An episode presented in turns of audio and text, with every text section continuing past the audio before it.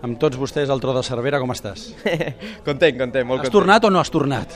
Bueno, ai, eh, crec que s'assemblava una mica més no? al, a l'estil de pilotatge que, que he tingut aquesta cursa, al, al meu habitual, sobretot la, la primera part. Llàstima, només em recrimino l'error de, a falta de tres voltes, que he tocat la herba a entrada a meta, i, i m'ha fet perdre eh, potser quatre dècimes que, que, bueno, que al final les hem recuperat, però, però bueno, a part d'això crec que he fet la carrera perfecta. Faltaven 7, 8 voltes i la situació era veure si ell et deixaria passar davant o no. La situació eh, ha canviat. Quan ell t'ha avançat, tu esperaves? Sí, sí, sí, no. Eh, quan he vist anava darrere d'en ell, anava bastant, bastant bé, però llavors ja començava a patir una mica i, i he decidit passar davant per respirar una o dos, una o dos voltes, després he tornat a apretar, eh, he vist que ell també tenia algo guardat i, i bueno, he dit, ens jugarem a l'última xicant, no? Eh, el fer tantes voltes darrere d'en l'havia preparat molt, molt bé. Eh, havia preparat just per entrar, tindre el lloc bo, eh, no deixar espai i, i, i guanyar la cursa, però, però bueno, ha sortit un imprevist. Molt bé, els metres que perds els recuperes en aquella última frenada abans d'entrar a la xicana. Explica'm què ha passat. Bueno, els he recuperat, eh, els metres que he perdut els he recuperat sobretot al, al T2, T3 i al- i a l'últim parcial. Eh, i he arribat just perfecte a la, a la, a la distància perfecta per, per, per adelantar.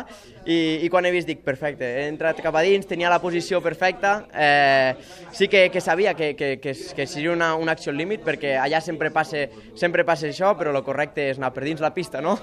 però, però bueno, el Valen- Valentino quan ha, quan ha notat el, el toc, eh, que crec que ja estàvem completament en paral·lel, eh, ha tallat la, la xicam, però, però bueno, ja et dic, eh, ara a mi no em ve de 5 punts amunt, 5 punts avall, però, però bueno, moralment crec que o, o em sento guanyador. Tu hauries pogut creuar com ell per la grava?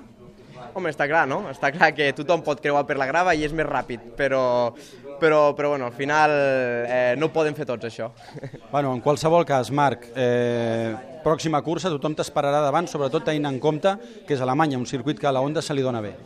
Sí, aviam, aviam com va Ale Alemanya. La veritat és que estic molt content perquè aquest circuit ens esperàvem que estaria molt lluny de les Yamahas. De fet, han estat a un nivell superior a, a la resta, però bueno, han pogut estar allà amb ells.